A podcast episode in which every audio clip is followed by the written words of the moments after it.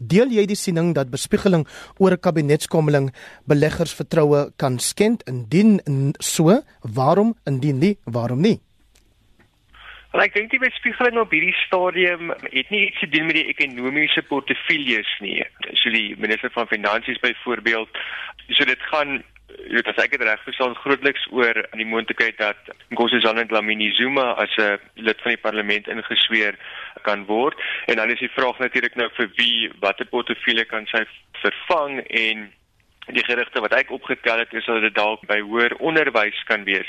So in daai opsig as dit, jy weet, so as dit beperk is, as dit bloot op toepassing van haar sê nie die ekonomiese portefeuilles raak nie, dan sou ek nie dink dit behoort 'n wesenlike impak op finansiële markte te hê nie.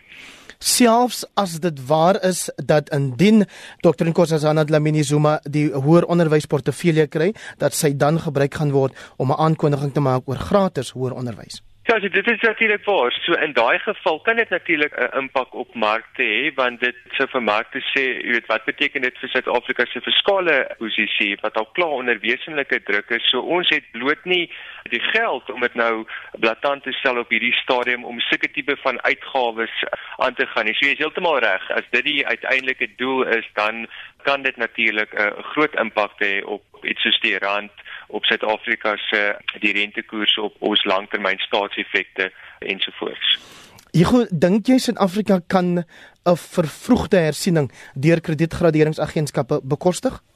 Ek sou baie verbaas wees as die graderingsagentskappe 'n uitspraak lewer voor ons die sogenaamde mini begroting op 25 Oktober gehad het. So voordat hulle 'n beter idee het van die stand van ons fiskale posisie en mens kan waarskynlik dit nog 'n stapie verder vat en sê hulle sal waarskynlik wil wag tot na die ANC se konferensie en en verkiesing in Desember om eers te sien hoe die politieke vooruitsigte lyk. So, jy weet niks is natuurlik onmoontlik nie, maar ek sou reken die agentskappe gaan eers meer inligting wil hê beide oor die stand van die ekonomie en dan veral die begroting of die fiskale posisie en soos ek sê die vooruitsigte vir die politiek. Daar was nou opgewondenheid verlede week toe daar aangekondig is dat ons ekonomie nie meer in 'n tegniese resessie is nie. Wat kan die prentjie verander?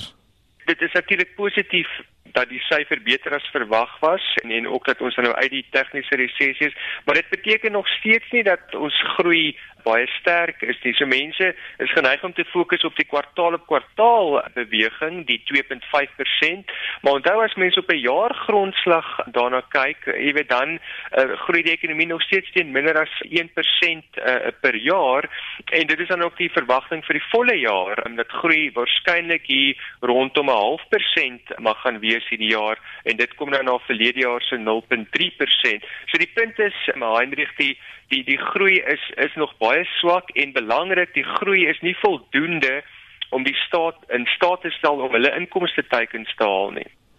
En wat reken jy sal die uitwerking daarvan wees op die mediumtermynbegrotingsraamwerk toespraak wat op 25 Oktober deur minister Malusi Gigaba gelewer word?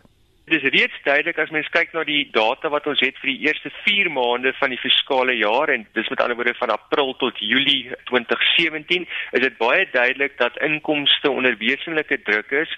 So die minister gaan die teikens wat in die Februarie begroting aangekondig is vir vir inkomste waarskynlik wesentlik moet afskaal. Met ander woorde, ons gaan minder inkomste kry as as wat verwag is en dit plaas die risiko dat dat ons met 'n groter begrotingstekort gaan sit as wat in in in Februarie uh, verwag is.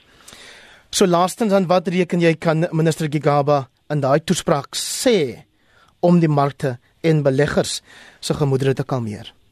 Daar's 'n redelike verwagting dat die inkomste prentjie swakker gaan wees. So ek dink dis dis van kritieke belang dat die minister moet wys dat die gordels in terme van besteding uh, ingeperk word. So dis en dis hoekom ek van tevore gesê dat jy weet daar is nie 'n manier wat ons op hierdie stadium iets soos vir nie tersiêre onderwys kan aankondig want daar is bloot gewoon nie geld daar, daarvoor nie. So ek dink iets soos die staatsdiens se loonrekening, die minister gaan daar sy hand met wys om te sê maar ons ons gaan dit in in toom hou sodat die bestedingskant van die begroting um, ingeperk word sodat dit voorsiening kan maak vir die die tekort aan inkomste.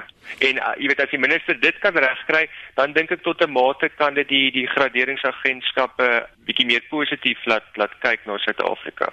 Nou maar soos altyd groot waardering vir jou insette. Jy groepienaar is 'n ekonom by die Buro vir Ekonomiese Ondersoek.